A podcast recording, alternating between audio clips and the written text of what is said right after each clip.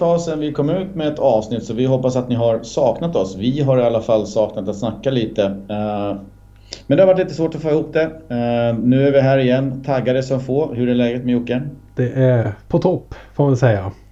Nytt, nytt jobb och familjelivet leker och Men det är ju värre för Valencia. Så det gör ju, gör ju lite ont. Men annars är, är det fan bra. Det ska sägas. Ja, vad härligt. Kul att höra. Ja, det är bra här också. Jag kommer tillbaks efter en uh, tio dagars nere i Spanien. Eh, där jag faktiskt tittade på eh, Valencia Real på plats. och sen var det ju Sevilla, Valencia på TV. Och sen så var jag och tittade på Valencia Athletic Club också. Innan jag kom hem i tisdags så... nej, måndags var det. Så att... jag har inget att klaga på. Vad är man säger? Batterierna är laddade och medvind i seglen. Och du har fortfarande lite semesterkänslor då när du blandar ihop vardagarna här förstår jag. Ja exakt. Nej men så är det. Så det, var, det var härligt. Det var kul att, att vara utanför Bestaya och känna känslan. Det var ju fantastiskt väder som det alltid är. Soligt och... Det regnade lite på Bilbao-matchen mot slutet men första halvlek var väldigt solig. Ja, du... Mycket folk där utanför och jätteglada miner och sådär. Så att, uh, det var härligt. Ja, det var ju fan... Rekommenderas alla, men det vet ni redan. Det var ju fantastiska bilder du skickade ut där. Både ut på, mm. på Twitter och i våra chatter med videoklipp och grejer. Och, ja, det, det gjorde ont att man inte kunde vara där också. Så Nej, att nu, nu, hoppas jag att verkligen att vi får en gedigen genomgång av vad du såg och hörde på plats. Ja, men absolut. Jag tänkte att vi börjar i den ändan lite grann. Vi, vi har haft tre matcher sen vi, sen vi körde senast och det har ju varit en vecka som de här matcherna har spelats på. Så vi, vi klumpar väl ihop de tre. Och så, så drar vi lite slutsatser därifrån. Eh, först hade vi Real hemma som till slut blev förlust 1-2. Sen hade vi Mittwoch borta eh, mot Sevilla och den hann ju knappt börja innan den var förlorad. Eh, 1-3 till slut va. Och nu senast hade vi Athletic Club hemma på Mestalla och fick nöja oss med ett kryss. Ehm, vi kan väl börja med dina samlade känslor kring, kring insatserna som sådana så går vi in på lite specifika punkter sen. Det kan vi väl göra. Om man börjar med Real Madrid-matchen så tycker jag väl att vi i 80 minuter gör ju en bra insats. Mm. Eh, och sen blir det ju eh, en del misstag som eh, leder fram till båda målen ska vi säga. Så Mamma ska man väl kunna lasta för åtminstone ett utav dem. Mm. Eh, men man får inte glömma bort heller med de här skadorna som kom också. Vi kommer ju in på det lite närmare senare också kring Gaia och Soler och så vidare så, så blir det ju märkbart. Man kanske inte kan spela i 90 minuter och, och hålla tätt mot Real Madrid med det här laget vi har på banan. Så jag tycker ändå vi ska ju klappa oss för bröstet och vara stolta över den här insatsen. Men sen att sista tio blev som de blev. Ja, sånt kommer hända eh, när vi inte har ett sånt kvalitativt lag som Real Madrid. Nej. Och Sevilla-matchen, den var ju Ja. En en halvtimme gammal innan det var över. Nej precis. Jag tänkte ja, men ska vi kunna studsa tillbaka efter det här då. Men nu var ju som alltjämt de här tre spelarna borta även den här gången. Och eh, precis som du nämnde här i inledningen också att den var, kändes ju som att den var förlorad innan den började. Eh, det kändes som att vad som helst Sevilla försökte med så kunde de bryta igenom. Eh, ska väl inte, visst man ska ju lasta Mama också för målen. Men jag tycker inte enbart man kan lägga förlusten i knät på honom. För det är ju en hel del individuella misstag som leder fram också till målchanserna som kommer. Men eh, det kändes ju såklart att alla skott som gick mot mål kändes ju farliga också. Mm. Sen var det ju skönt där att eh, Hugo Doro fick göra mål igen, att vi håller honom igång i alla fall. Så det, det börjar ju nästan växa fram till en liten favorit i den här upplagan av Valencia. I alla fall av de här nyförvärven som har kommit in. Och eh, Atletic-matchen här nu senast eh, kändes ju också att eh, vi hade spelare borta. Tycker inte att vi skapade några speciellt farliga lägen heller för att vinna den här matchen. Utan, och det gjorde väl inte Atletic heller så det är väl rättvist kanske med en poäng var. Mm. Eh, sen är det väl återigen, tycker jag, eh, individuella misstag också här som leder fram till målet. Eh, vi släpper inte till allt för många chanser och den här hörnan som går i mål där är det ju Hugo Guillamon som vi kanske kommer hylla lite också.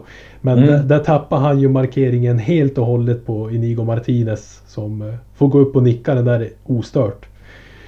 Eh, ska väl sägas att det är väldigt tekniskt utav Inigo Martinez också själva målet när, när hörnan skruvar sig utifrån mål och även han eh, rör sig bort ifrån mål eh, och ändå kommer upp och kunna nicka in en så pass välplacerad nick i mål så det ska väl han ha.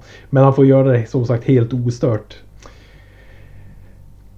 Ja, och min känsla är väl uh, rätt så snarlik egentligen. Uh, jag... Uh, jag är väl den första som hyllar och, och kritiserar när, när det bör. Uh, och jag tycker att man ska få kritik. Det, det, är under all kritik. Åtminstone ett av målen mot Real, där han är ute och hänger tvätt, uh, som inte får hända. Och sen så åtminstone det värsta målet mot Sevilla är den där bollen som bara studsar och så vet han inte vad han håller på med. Alltså, det, det, är rena juniormisstag som inte får hända. Eh, det kostar ju såklart. Sen kan man lägga till det andra målet mot Real och kanske något till mot Sevilla där han släpper första stolpen och lite sånt där. Så att, visst, han ska ha lite skit för de matcherna. Det, det ska han. Eh, men samtidigt, det är en 20-årig kille.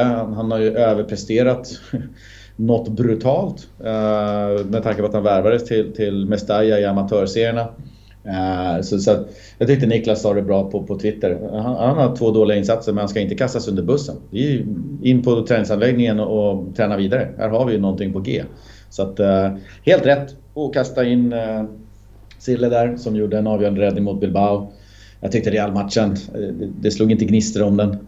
Starkt, stabilt, jobbigt, tungt Valencia möta i 85 minuter innan det började hagla bollar inåt och sen lyckas man inte riktigt göra någonting. Så att, ah, på läktarna kändes det otroligt tufft. Alltså, det var varm känsla, det var 25-30 tusen på läktarna. Mm. Inte så supermycket sång, men ändå bra tryck och den uppladdningen. Så, aj. Men, men samtidigt så, så det var en chock. Det var det. Det var så nära. Uh, samtidigt så har vi förlorat mot Real förut och det är klass, klasstrupp liksom. Ja men så är det ju. Det, det, de är mycket bättre. Liksom. Och sen så mot Sevilla, ja, det är ju två misstag av tre mål kanske. Till, kan, kan vara till och med tre av tre. Men som gör att vi hamnar i det läget. Så gör vi ett mål. Ja, visst. Det hade kunnat stå annat, men den var ju redan förlorad. Så den sved. Sevilla borta i det här läget. Jäkligt svår match. Jag definierar inte en säsong efter någon av de förlusterna. Sen Bilbao hemma. Ingen match heller det står gnistor om. Uh, Bilbao hade väl ett offside-mål av Iñaki Williams som var väldigt tight offside och sen hade vi en superräddning av Sillisen uh, mot slutet. Där. Å andra sidan så hade mm. vassen i ribban och så vidare. Så att 1-1, ja, speglar väl hyfsat. Inte det bästa. Så att, uh, mm, förhoppningarna var ju högre ställda än vad det blev. Men jag är inte helt förstörd heller. Kanske färgad av att jag hade så kul i och runt med Mestalla, men jag ser fram emot det här ändå. Ja, men är man på plats då och bara får se fotboll live på Mestalla igen så är man väl lycklig ändå så att säga. Mm. Eh, och sen var vi väl inne på det också för något avsnitt sen att man, man tänkte ju att de här tre matcherna som vi nu har spelat eh, och även Barca som kommer också här i oktober. Att det här blir ju lite mer av det riktiga testet för Bordalas och den här upplagan av Valencia. Eh, att vi kunde vinna mot Getafe i premiären, det gjorde vi ju dunderbra. Följde upp av ja, sådär match mot Granada men sen liksom en utskåpning av både Alaves och Osasuna. Eh, så är ju det ändå lag som härjar i botten av tabellen och, eller mitten. Så, så de här matcherna skulle ju verkligen bli ett kvitto. Men hur står vi oss egentligen då? Kan, kan vi spela den här Bordalas fotbollen mot Real Madrid, Sevilla och så vidare? Eh, nu tycker jag inte att det blir ett rättvis bedömning att göra på de här matcherna just på grund av de här spelarna som är borta. Mm. Det var inte det här Valencia som körde över Alaves. Som gick ut och spelade mot Real Madrid. Där vi ändå hade en ledning i 80 minuter. Så det är det jag tycker man ska ta med sig ändå. Att vi störde dem, var nära på, på att vinna där. Men sen blev det ju alldeles för kännbart hem mot Sevilla. Ja, det var ju Correa ut ganska tidigt eh, mot Real. Uh, och sen så kom väl aldrig Soler. Jo, han var också utbytt. Mm. Också tidigt, ja just det. Uh, så det var två ganska tidiga skador på två uh, absolut ordinarie spelare, speciellt då i, i Korea på kanten och, och, med den säsongstarten som Soler har haft så är det två enorma tapp och ändå så håller vi. Så vi går in i den här perioden utan Gaia, vi tappar de två spelarna.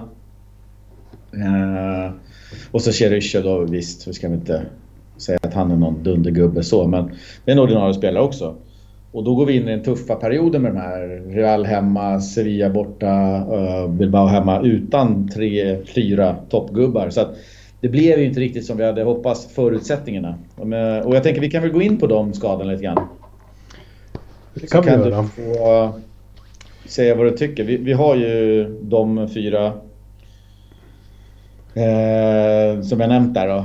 Eh, Hugo Doro är den som har ställt upp på den kanten då, där Cherry har varit. Men, men han har ju ganska friskt bytt plats med Guedes. Så Guedes har ju fått en helt fri roll, så han har ju huserat på, på den kanten också och Hugo Doro har stuckit upp. Så det har varit ganska fint. Eh, och det har väl kanske inte varit katastrof. Sen har vi Vass på mitten då istället för Soler. Eh, han är väl 3 plus tycker jag. Han, han sköter sig bra, men när Soler är kanske 4 eller 5 plus så, så blir det ju kännbart, så som Soler har spelat på slutet. Så har vi höger och vänster. Back. Uh, där har väl kanske fallerat mest tycker jag. Folkier in istället för Korea. Korea har varit jättebra uh, förra säsongen uh, och den här säsongen. så det har inte fallit väl ut. Jag tycker Folkier har varit okej okay i defensiven. Han gnetar på, är ganska svår att skapa chanser mot. Han har varit superdålig med boll och allt som händer offensivt. så. Och sen så har vi väl Lato då. Eh, han är ju klart sämre än Gaia trots att man gillar gubben. Jag tyckte Vasquez såg oh, jättemycket bättre ut än Lato när han fick komma in mot Bilbao. Eh, så, så vad är din take? Vad är det för tapp vi har här? Ja, eh, nej men Folkier som, som vi var inne på där är ju en Segunda-spelare i mina ögon. Så jag förstår ju hur smart Granada var där ändå när de eh, fick iväg honom och plockade in Santiago Arias. Det är väl två, tre snäpp upp från Folkier nästan. Mm. Eh, men ändå, det ska väl vara en okej okay andra gubbe trodde man. Men mm. jag ser ju hellre att man kanske går ner med, med vass på högerbacken framöver. Ja, problemet där har ju varit Racic som verkligen inte får speltid. Hade vi haft en Racic som hade kunnat spela centralt, då hade vi kunnat köra vass där. Ja, men där har ju Bordalas väldigt tydlig så att säga. Både med det gäller Helde Costa och Racic att de måste steppa upp för att kunna få speltid i det här laget. Så man hoppas ju nog enormt att Racic ska göra det så att man slipper se mm. Folkier på plan igen. Så Vass kan kliva ner. Eh, Lato tycker jag nästan har bränt sina broar nu. Mm. Är det inte dags att lämna och inte på ett lån utan för gott nästan. Eh, Valencia har ju den här historien med alla vänsterbackar och Latto ska inte nämnas där så att säga som en av de stora men det, man gillar ju Karl precis som du säger. Man har mm. ju alltid haft ett gott öga för honom. Har ju visat mycket, mycket kämpaglöd och hjärta för, för klubben och för laget. Eh, men eh, det kvalitativt så fallerar det ju totalt. Och det säger ju en hel del när man blir utbytt mot en 17-åring också innan matchen är slut. Ja, och, och, vi hade en liten dialog igång där och det var väldigt löst i kanterna. Han var ute och svajade flera gånger och så här. Det, det, men man har tänkt så här, bakom Gaia så har vi ytterligare en rackare som kommer. Ja, ja jag tror man får sluta tänka stort. så. Ja. Nej, det är ganska stort glapp däremellan, det ska sägas. Så jag, jag var inte alls förvånad att han gick ut tidigt här mot Bilbao när man såg man, såg, man ser kanske en hel del mer, eh, det som man inte ser genom TVn då. Eh, så, så, det var inte alls förvånad att han fick kliva av. Jag tyckte Vasquez såg väldigt mycket mer spännande ut och han är dessutom mycket, mycket yngre. Mm. Så att nej, så det är ingen panik där, det är det inte. Men, men då får vi nog gärna köra Vasquez för Lato, för det tycker jag är kanske det största tappet vi har haft där. Inte för att han har varit katastrofdålig, men han är klart sämre än Gaia. Ja, och i Bordalas bok så går ju till och med Folkier före Lato på vänsterbacken också. Mm. Om man tänker sig så matcher tidigare när var väl på, mot eh, Osasuna där va. Hade så, Korea varit hel så är det mycket möjligt att uh, Folker hade lirat vänsterback. Exakt, det är det jag menar. Så han går ju även han före i, i Bordalas bok skulle jag tro här. Så att vi får nog sluta känna att Lato är någon som är up and coming och, och där mm. bakom Gaia. För där står Jesus Vasquez numera. Så tycker jag. Vi kan väl studsa vidare på Hugo Guillamon. Eh, bättre och bättre och får ju nu mer enorma lovord från, eh, för sina insatser då på slutet och inte minst senast mot Bilbao. Uh, har vi hittat våran så kallade nummer 6 i Guillamon? Våran mm. Arimbari, eller Arambari. Ja, Ja men det är nästan så alltså. Jag vet inte om jag är ensam men i alla fall här mot eh, Real Madrid och eh, till viss del också mot eh, Atletic Club här så känner jag ju att man vill dra lite paralleller till Xabi Alonso. Jag vet inte om det är jag som är dum i huvudet men Men det är lite så jag, jag ser honom alltså. Rörelsemönster på plan, passningsfoten tycker jag, alltså den såg jag inte riktigt att... Eh, alltså man visste ju att han hade bra passningsfot och det är väl det, nästan det han har levt på också som mittback, att han varit bra i uppspelsfasen så att säga.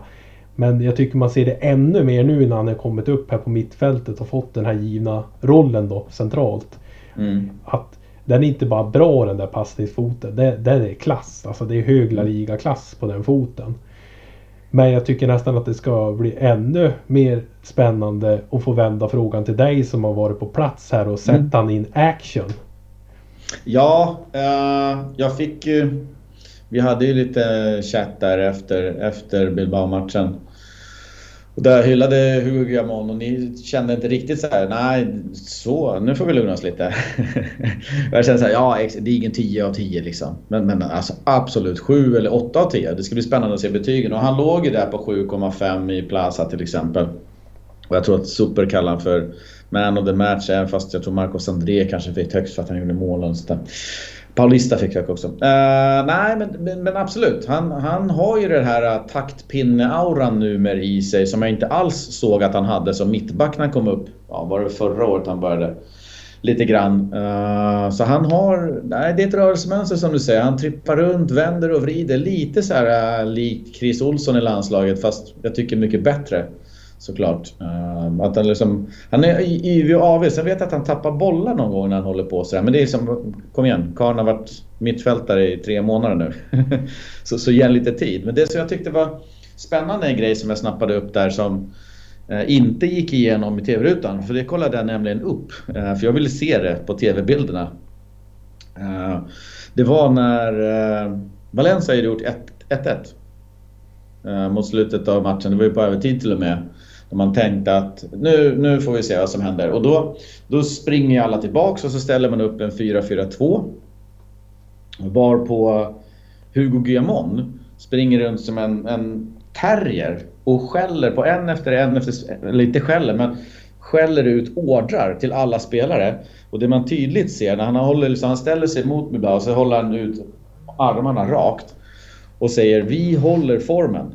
Ingen bryter 4-4-2an när de spelar av. Utan alla står på egen planhalva. Och då säger jag, jag tror inte att det är enkom ett defensivt liksom, ställningstagande att nu ska vi hålla 1-1. Utan det är nog mer att om 3, 4, 5, 6 pers börjar tjurrusa så släpper vi kanske ett läge till Bilbao. Utan vi håller fortet och sen ska vi metodiskt börja pressa. Så alla står ju helt stilla när Bilbao spelar bollen förutom eh, Marcos André som börjar ensam jaga i 7-8 sekunder. Och man ser ju hur lack Hugo Guillamon blir. Eh, så han springer sen förbi eh, Marcos André och ger en, en rejäl utskällning att han inte har lyssnat. Jag tänkte Wow! Hugo av alla. Det var du som skulle göra det. Alltså, inte Vass eller Maxi eller Gedes eller Gabriel eller någon annan. Liksom. Det var Hugo som Ah, han sprang som en fältmarskalk där och, och styrde just på slutet. Det var så här, oj, wow, nu har vi fått upp tuppkammen. Ja, det är ju någonting som man verkligen, verkligen inte har märkt genom tv-rutan, precis som du säger. Och mm. Eh, personlighetsdragen man har i alla fall skapat sig en egen bild av är ju inte alls den du säger. Så nej, nej riktigt häftigt att se att han måste ha tagit de här kliven under Bordalas och tagit på sig liksom en, en ledarroll på det där mittfältet. Ja, jag tycker det. det. Det kom ju någon artikel idag och det är ju vad det är. Eh, men det stod att Hugo har poppat upp på Luis Enriques radar. Nu är det här en radar som är väldigt stor och det poppar upp ganska många spelare där. Men det är väl klart han har koll på Hugo Guillamon eftersom han är med i U21 och har alltid varit. Spännande mittback, han är ju ordinarie där. Eh, och nu spelar eh, mittfält och, och jag menar Luis Enrique ser väl de flesta matcherna men inte minst Valencia Real och mm. Valencia mot Bilbao. Så det är väl klart han har noterat att här har vi en gubbe som inte spelar på sin normala plats och verkligen vad är det som händer? Ja. Det är kul. Sen så tror jag inte att han är så superaktuell kanske för att komma med i någon uttagning nu men Nej, det läser man de artiklarna som skrevs efter den här matchen och de statistikerna som drogs fram. Så var det unisont Hugo Guillamons eh, passningsspel och offensiva mm. spel som man ville hylla. Och eh, jag tror, jag har inte faktan framför mig men jag vet att jag såg det i grafiken här mot eh, Real Madrid bland annat. Mm. Att när han hade, om det var 36 eller 37 passningar, då hade han liksom 36 av 36 till rätt adress. Han var liksom 100% mm. så pass långt in. Och det, det säger en hel del när man även mm. har ett motstånd som heter Real Madrid. Eh, och under landslagsuppehållet som var tidigare här eh, när Hugo var iväg med, med U-landslaget och spelade. Då spelade han fortfarande eh, mittback. Ja, exakt. De två matcherna. Så det ska ju mm. bli intressant att se nu vid nästa samling som hägrar här runt hörnet. För jag antar väl att det är några U-kamper också. Nu har jag inte det framför mig heller. Men nästa samling ska bli intressant att se också hur, hur han tänker sig där då. Med rollen i U-landslaget. Kommer han fortsätta på mittbacken eller kliva han upp på mittfältet? Ja, verkligen. Det, det blir ju en, en intressant alltså, intressant huvudvärk tänkte jag säga för, för de tränare och se hur de vill använda honom. Ja men det blir men, kul att se liksom, hur andra tränare tänker och ser liksom nu när Bordalas har klivit in. Ja men du är en central mittfältare. Han har ju inte spelat mittback under Bordalas överhuvudtaget. Bara spelat ja. på mittfältet. Så det ska bli intressant att se hur en annan tränare med ett annat liksom spelsätt och så vidare. Hur ser de på Hugo Guillamon? Ser de han fortfarande som en mittback eller som en mittfältare? Mm. Ja, bra spelförståelse. Skulle kunna biffa till sig lite grann för att kunna ta närkamperna på ett bättre sätt. Men, men klart spännande utveckling på den gubben. Och lära sig hålla en jävla markering på en fast situation också. Ja, det kan, kan man säga. Vi flika in, kan vi flika in. Jag sa ju det. Mitt, eller mittfältare som brukar vara mittback. Ska kunna ta den markeringen på ett bättre sätt. Det håller jag om. Ja, vi kan väl kika lite på Gedes då, också i bra form. Det var, det var det som jag skrev till er att Gedes är en eller två klasser bättre än alla spelare på planen mot Bilbao. Uh, han har högre tempo, han är snabbare, han har bättre spelsinne, snabbare ryck, alltså allt. Man mm. såg att jäklar, här har du ju en kille. Det är ju en... det är en, eh, vad säger man, katt bland hermelinerna. Helt Nej men det, det, det, är någonting annat under den motorhuven, så är det. Uh, och, och, det var det enda som var, det var det här gamla gnället som jag har snackat om förut bland gubbarna där att han ibland inte tar det där sista hemjobbet, det där ursinniga hemjobbet och, och ibland går. Men hej, så har ju Zlatan gjort i alla år och det är många anfallare som gör det. det är lite, alltså ska du springa som Vallejo så kanske du inte har skärpan sen när avslutet kommer. Förstår du vad jag menar? Så ja. det är en balansgång. Men så länge han är så här bra då släpper jag att han ibland promenerar och vilar lite. För han jobbar mycket hårdare nu än vad han gjorde förut eh, generellt sett. Ja, och eh, du drog ju en parallell här också tidigare till Messi. Mm. Eh, match här nu senast igår då. Jag vet inte om du vill dra den utläggningen här eller? Ja, det var ju Kim Källström som satt i Champions League-studion med Gugge igår och visade hur Messi promenerade vid två tillfällen. Då. Uh, exakt det är det, det som Gedes gör också. Jag menar, hej, kan Messi göra det så kan väl Gedes göra det också. Det är inte, jag definierar inte Gedes insatser via det där. Men, men det var ett jäkla knorrande på läktarna just när han då gick. Och det målet som kom, som Iñaki gör på offside, det är ju, kommer ju till för att Gedes går och tappar den gubben uh, och skiter i det. Så att, uh, du vet det var offside. Han slapp den kritiken. Men vi kan väl kolla lite Maxi egentligen. det är en, det är en klassforward på många sätt. Han är otroligt viktig i targetspelet. Eh, kom ju också fram jättemycket grafiska bilder och sådär på, på Bilbao-matchen efteråt. Hur, hur, han hela tiden är våran target och länkspelare. Uh, och spel utan boll, där, där håller han ju väldigt hög klass. Men målen lyser med sin frånvaro. Samtidigt så gjorde Marcos André en pyts. 12 miljoner, 12 miljoners mannen. Ska Maxi bänkas? framför en Marcos André som öppnade målkontot ganska snart. Nu eh, är ju Maxi avstängd nästa match. Så jag tänker frågan lite mer på sikt. Ska man börja ge Marcos André lite starter? Eh, nej, det tycker jag faktiskt nej. inte. inte ut, utav det jag har sett från Marcus André hittills i alla fall skulle få mig att tycka att han ska gå före Maxi. Eh, just på grund av det du precis nämnde. Hur pass otroligt viktig han har varit eh, i uppspelsfasen. Eh, tycker det, även fast han kanske inte gör någon bländande matcher. Alltså med mål och med assist och, och, och kommer till jättemånga lägen. För jag tycker inte att han kommer till speciellt många lägen heller. Det är inte så att mm. han är någon målsumpare om du förstår vad jag menar. Nej. Utan han kommer ju inte till chanser där han kan vara sist och, och avgöra med ett mål. Men han är så otroligt viktig för varenda gång som Valencia drar en långboll. Då är han där. Mm. Oavsett så att säga. Och han tar ju ner de där bollarna på ett sånt briljant sätt och skarvar vidare eller bröstar ner och, och passar tillbaka. Och i det spelet har han ju varit fenomenal. Jag kan ha och ibland måste du dra en långboll eh, för att motståndarna pressar dina backar och spelar hem och då kan inte rulla vidare. Då drar du upp den. Ja. Och, och allt som oftast, alltså, man räknar med att om du får målakten att sparka så tror jag att det är eh, uppemot, eller kanske till och med över, 70% av gångerna som de som lyckades få målakten att pressa eller sparka eh, återerövra bollen. Mm. Om du inte har Maxi där uppe. Då kanske kan du få det till 50-50. Uh, så, så att, jag håller med. Och sen så springer han ju ofta löpvägar som öppnar upp för andra. Jag såg massa rörliga bilder på, på hans eh, jätteviktiga arbete som skapar chanser. Men eh, en löpning när han möter bollhållaren fast bollen spelas i djupled och Maxi har dragit på sig två försvarare och öppnat en lucka. Du ser ju inte vad Maxi gör. Du ser ju en, en forsande Hugo Duro istället. Ja.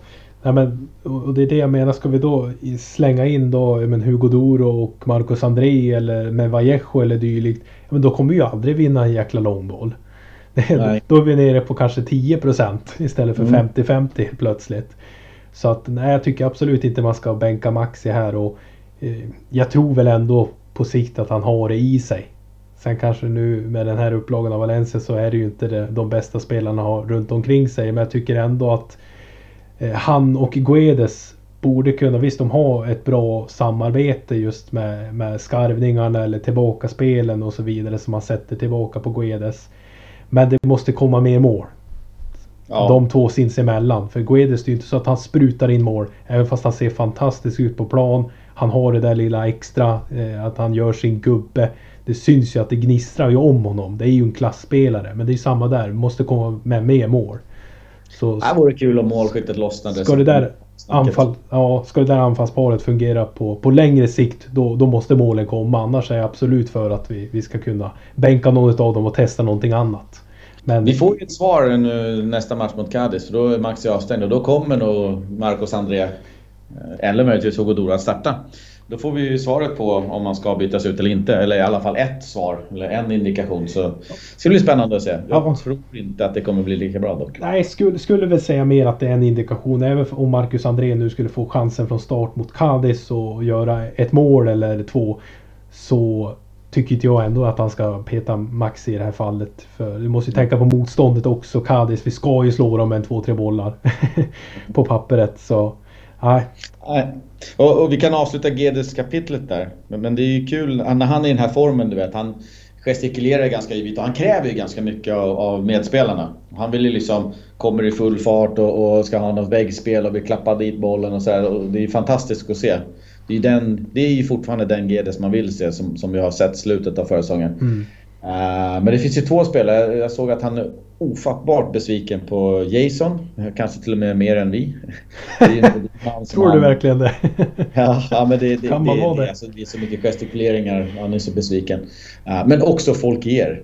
Alltså, jag, jag satt på den kanten där Gedes huserade mest och då var Folkier på höger backen och på andra kanten. Jäklar vad man såg på hans kroppsspråk. Alltså, vad är det här för tomte? Vad har, vi, vad har vi plockat in?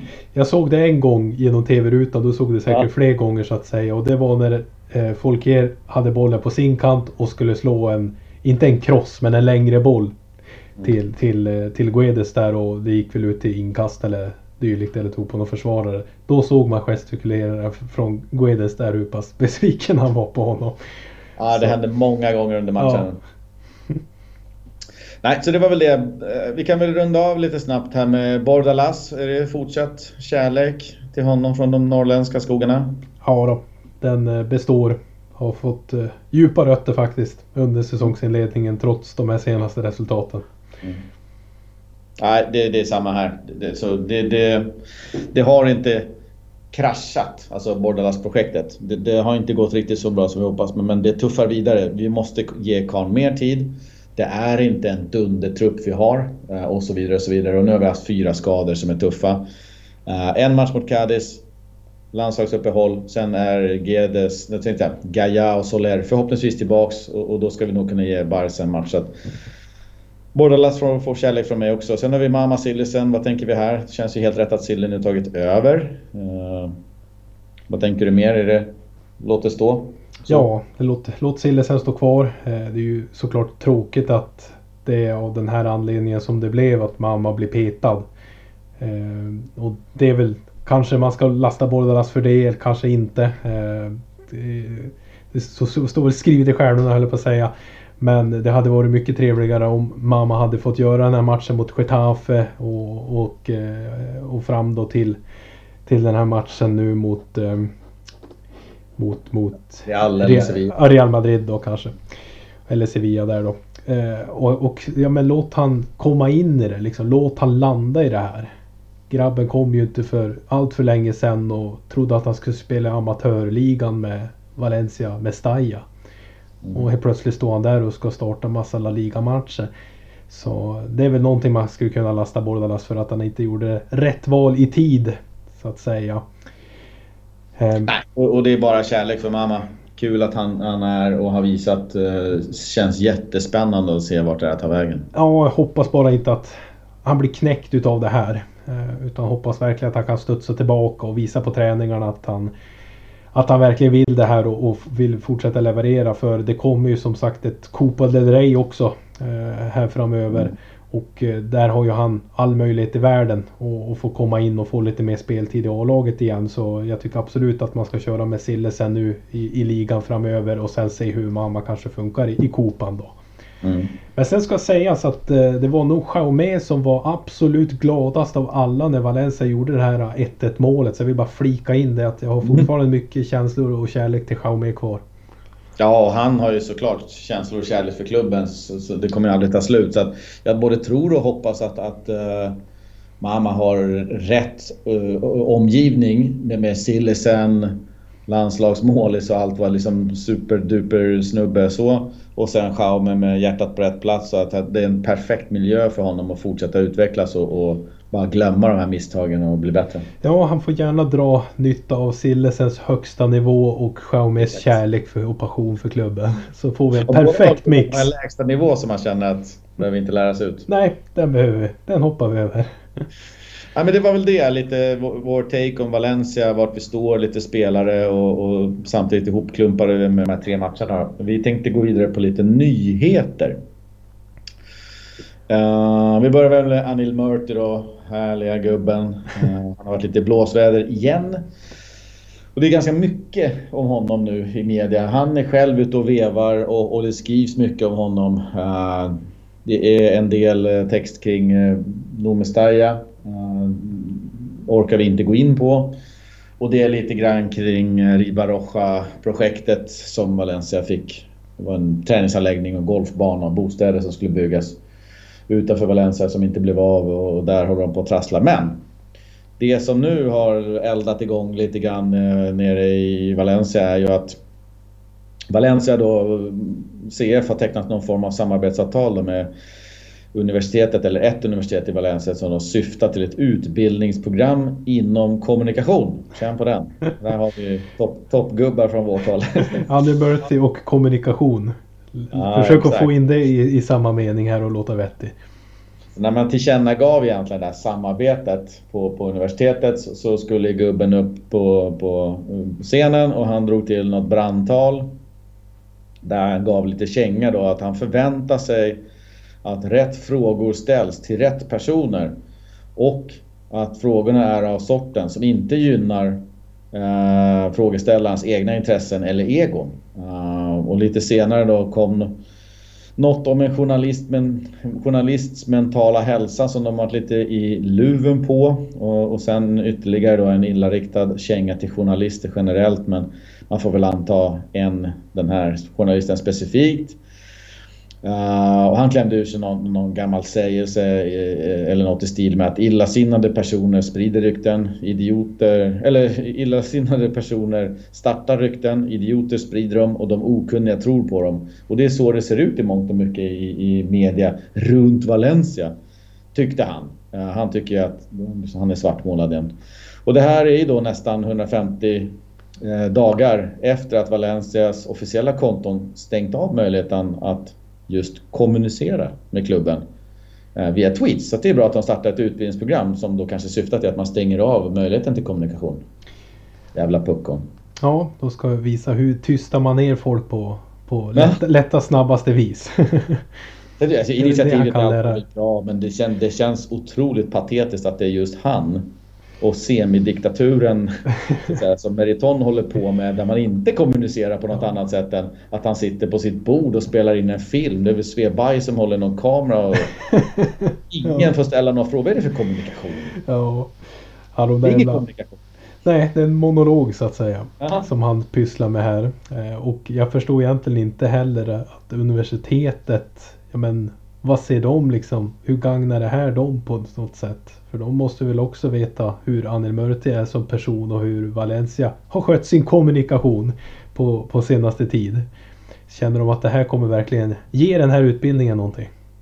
Jag tror att det är mycket utländska eh, studenter. Det är väldigt mycket amerikaner i Valencia som går på de här universiteten. Det är en fantastisk stad att komma och bo och leva i ett par år. Eh, och de har inte samma koll på vem den här tomten är. Eh, så att de, de, kan nog komma undan mer på, på ett visst sätt och initiativet i sig är väl inte det, dåligt. Det är bara att det är han och, och de här idioterna som står bakom. Men det, det är det som blossade upp här. Alla journalist, hela journalistkåren gick i taket och undrade vad han håller på med. Men sen, sen driver ju Valencia eh, Liber, eller Libertad VCF då som alla vet en rättsprocess mot allt som Meriton har företagit sig. De försöker komma upp i en ansenlig summa, procentuell summa, 5% av, av aktierna från minoritetsägarna för att få vara med på stämmor och ha sin röst i och med att de har höjt då, de här gränserna och ja, kunna påverka så här.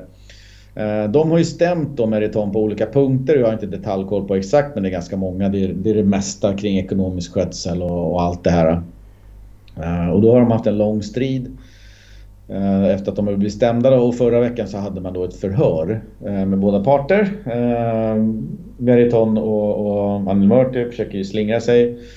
Medan VCF, eller Libertad VCF då vill ha en rättegång. Och nu har man då fastställt att det ska bli en rättegång av det hela. Den 28 mars 2022 är datumet då de båda parterna då ska ses i rätten och, och, nu börjar väl arbetet med att bygga sina respektive case. Så det, är lite, det är lite positiva vindar hos eh, Libertad eh, VCF. Det, det, den pansarkryssaren, eller lilla jollen kanske, eh, flyter på som aldrig förr. Eh, vad det i slutändan blir av det här det är sjukt svårt att sia om. Men rättegång ska det bli. Ja, och det blir man ju otroligt glad över att höra ändå. Mm. Eh, att de har så pass mycket på fötterna att de känner att de kan ta det så långt så att säga. Och, ja, att eh, någon annan känner det också. För det är ju rätten som har godkänt att exakt. ja, det blir rättegång. Annars hade de kunnat avslagit. Ja, eh, nej men det, det, tycker jag absolut är ett positivt besked för alla oss som, som älskar Valencia som klubb och vill ha bort ägarna, Meriton. Så det ja, att... vi kan väl gå vidare där eh, lite grann. Om vi tar lönetaket som kom igår eh, om en liten stund så kan du gå vidare på uh, Miguel Zorrio. Ja, men Vad precis. har vi på den gubben? Vad är det som händer? Vad har vi på den? Jo, det sipprat ut lite, lite nyheter där ju om eh, ett eh, nytt uppköp då. Mm. Så tidigare hade vi ju prinsar hit och prinsar dit. Den här mm. eh, prinsen av Johor som var ute och veva på med Instagram stories och allt möjligt där. Men det här börjar ju bli i alla fall mer konkret. Mm.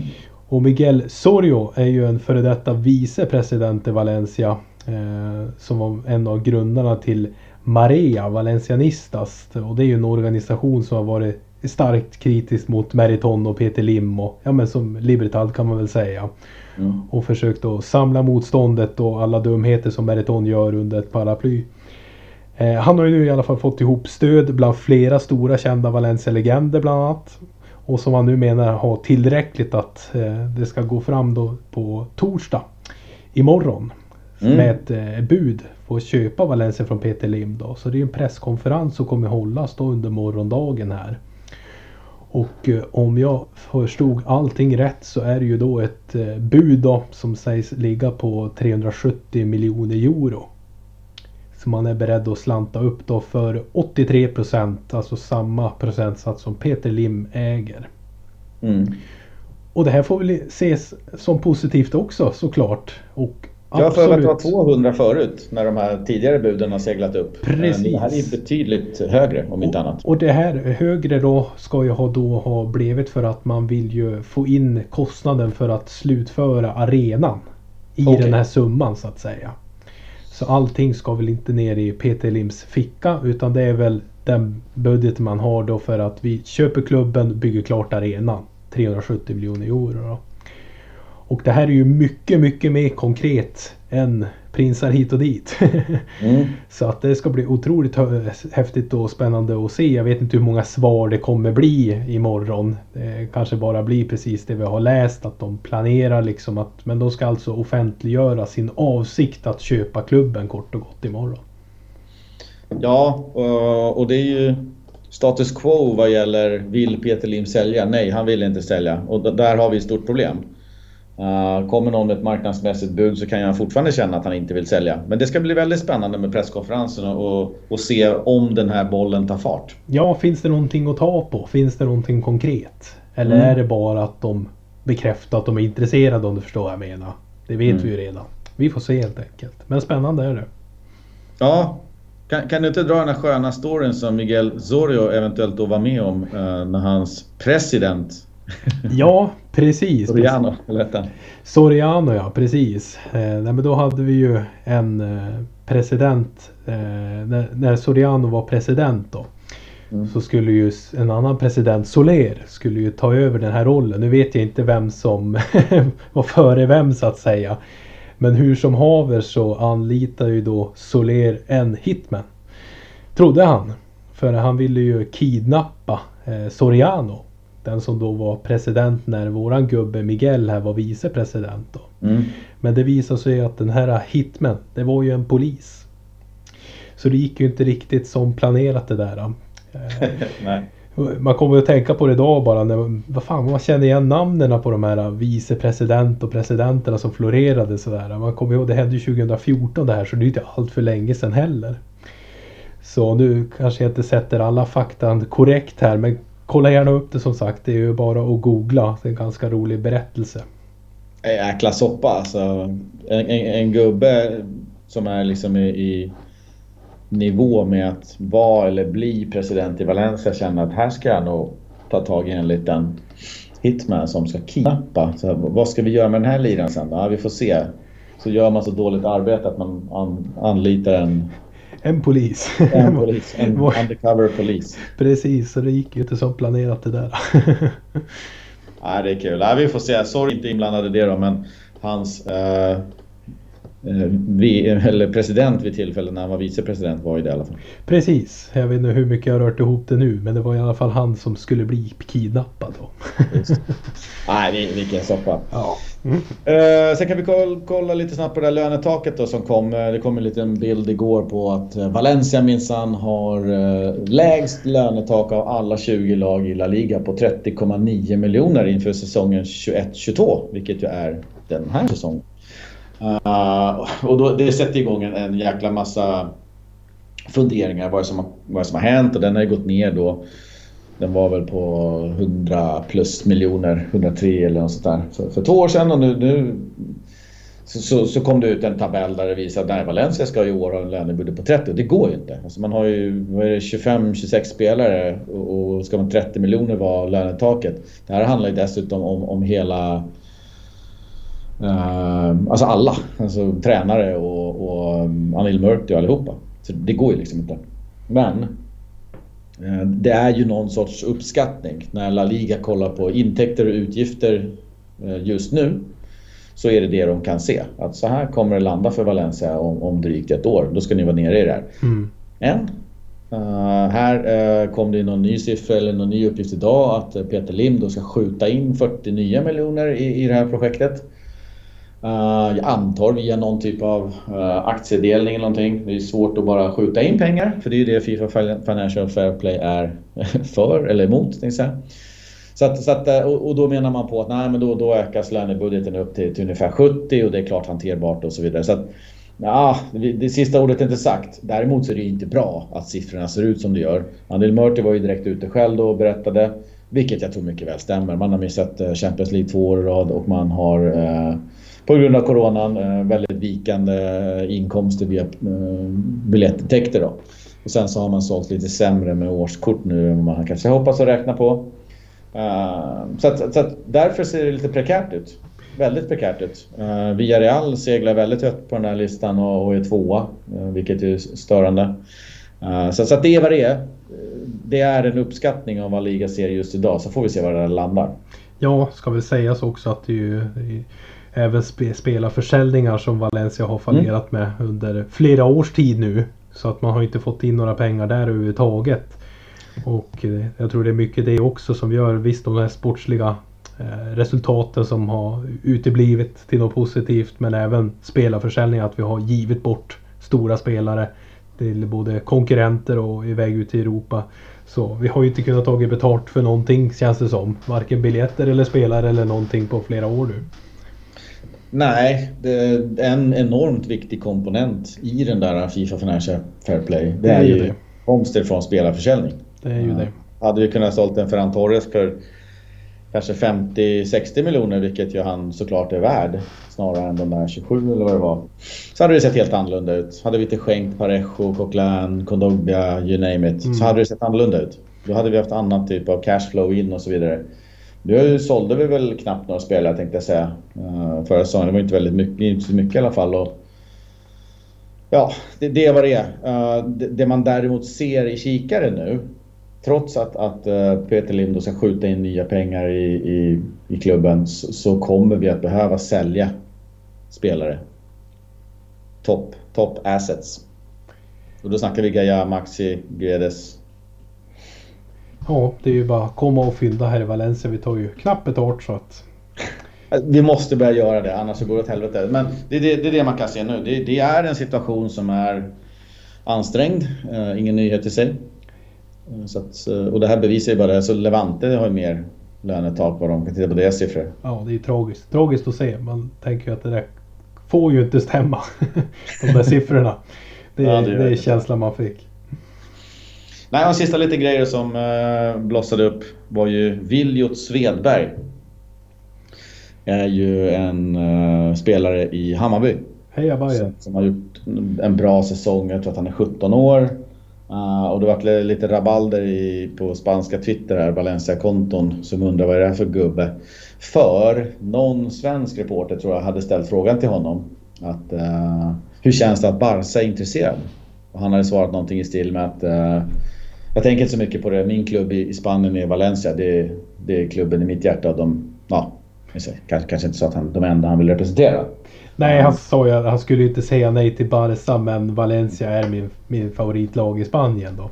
Och då undrar alla, så, vad är det för svensk pojke på 17 år som går och klämmer ut sig sånt här? Liksom? Är han bra? ja, men det är Hasse Eskilssons eh, son. Eh, och Hasse Eskilsson bodde i Valencia från 2008 och framåt. Och eh, var ju nära kompis med Jocke Björklund och, och de umgicks i familjen och Willut eh, har ju börjat spela fotboll där han var väl då eh, fyra år tror jag. Mm. Så det, det är väl på den vägen det är. Det är klart han har ett stort Valencia-hjärta och det, det, är hans klubb. Det är jag övertygad om att hans eh, pappa och, och, fru, Malin Svedberg va?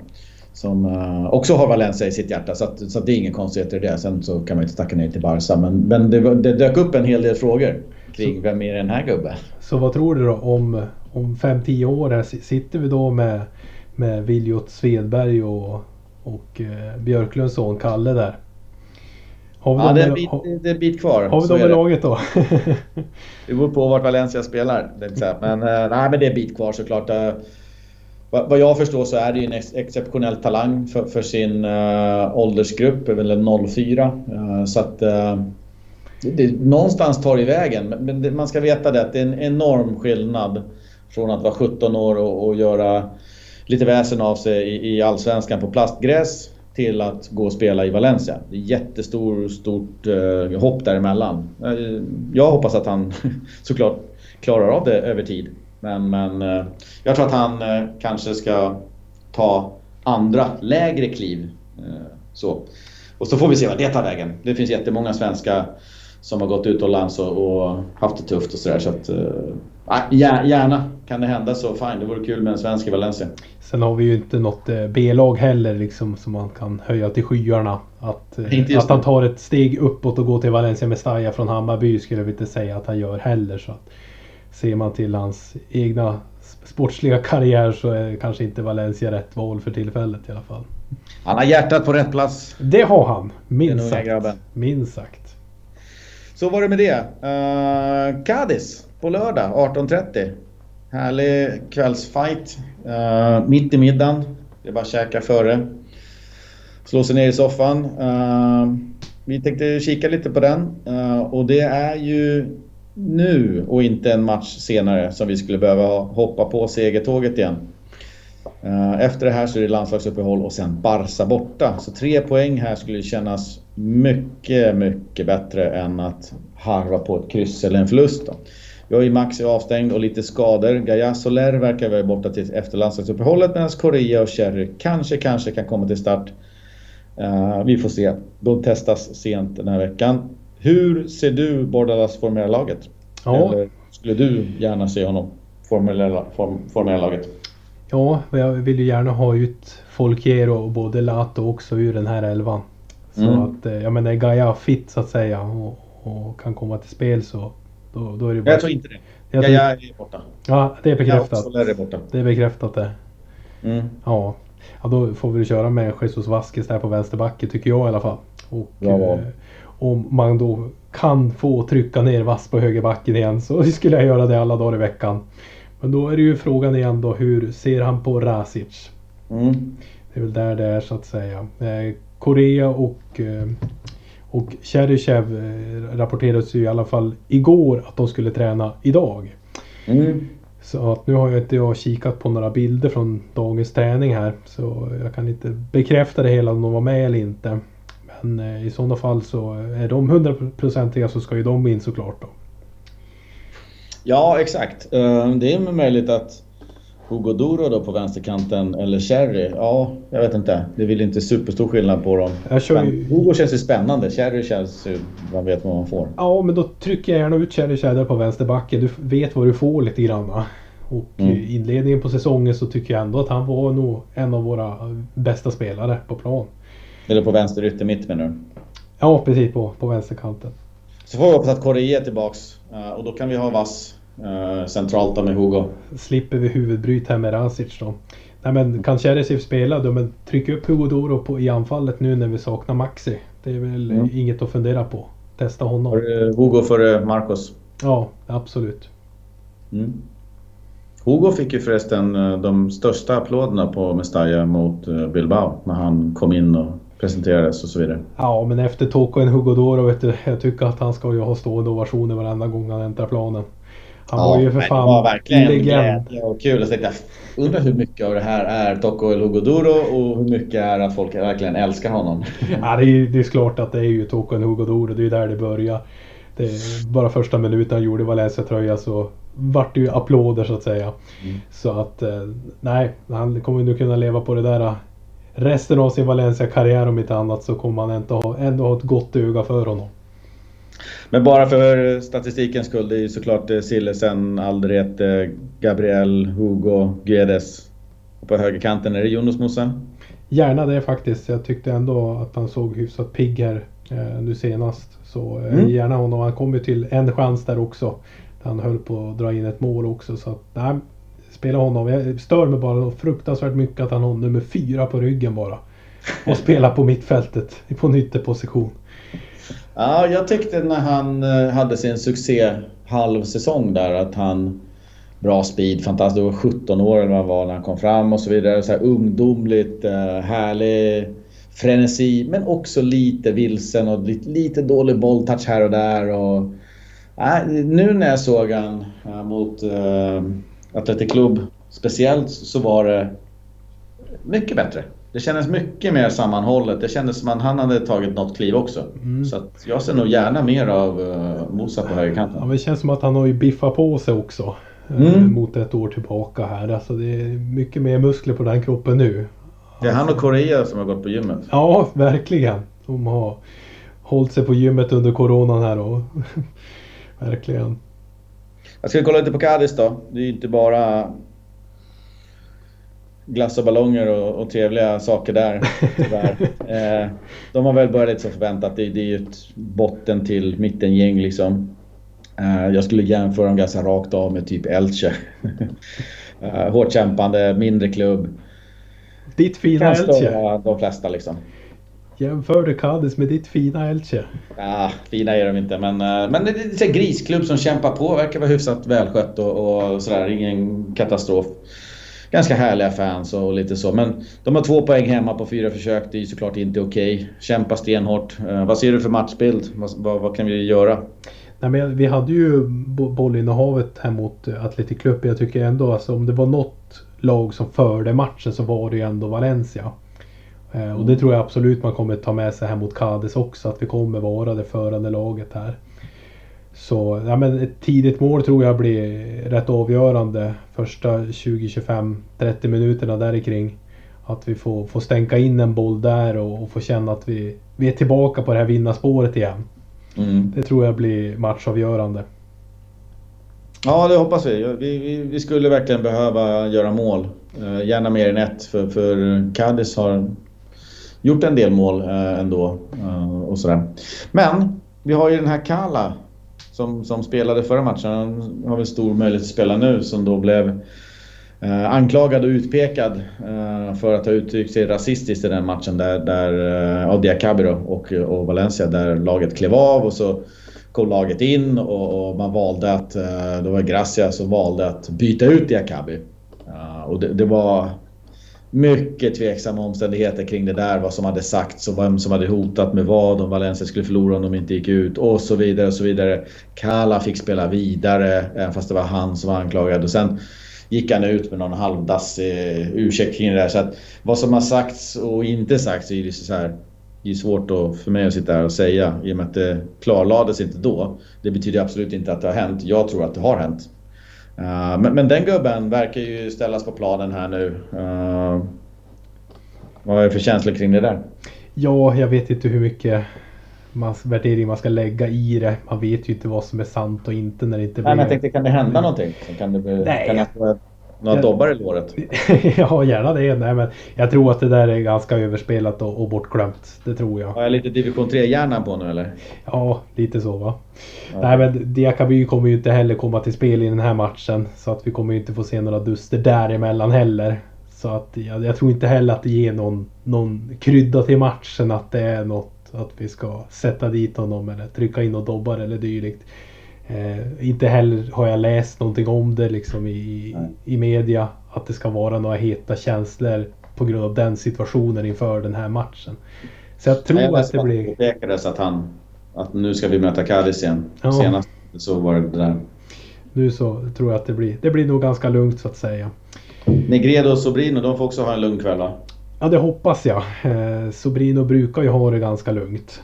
Det händer ju inte mycket kring den gubben serveras eh, kära Fernando Torres som man jämförde honom med där. Ja, exakt. Ja.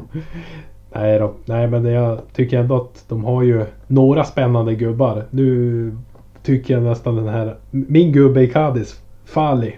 Har du koll på honom? Mm -hmm. Nej, ingen koll. Nej. Nej men det tycker jag. Det är riktigt AV, AV-typer.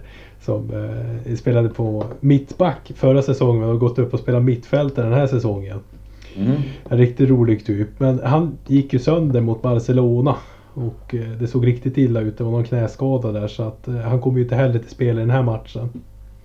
Okay. Eh, men annars så har de ju lite så här Negredos och vad heter han? Viktor Schust.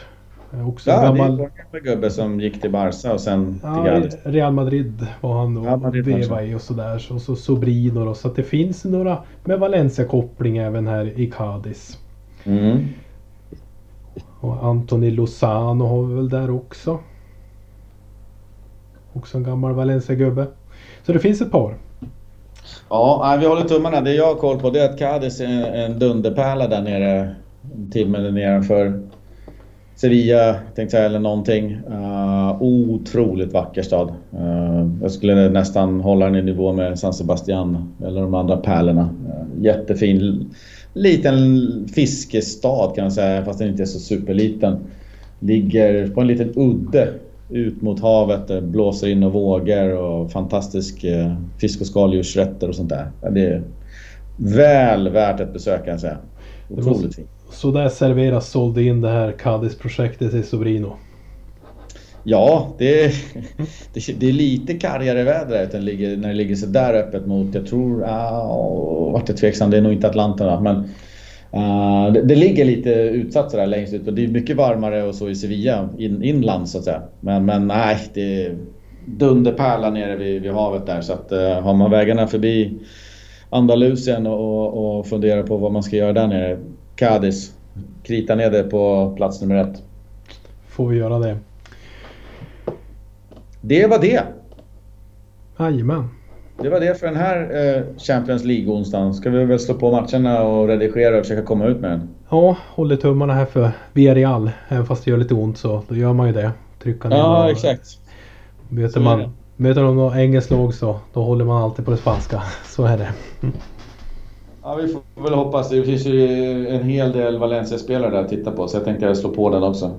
Vi gör så hörru du och så får vi väl avsluta. Du får, med du får ha det så bra tills nästa gång vi hörs. Uh, vilket lär ju vara på MSN om fem minuter, tänkte eller WhatsApp om fem minuter. Men ha det bra och hasta luego. Hasta luego.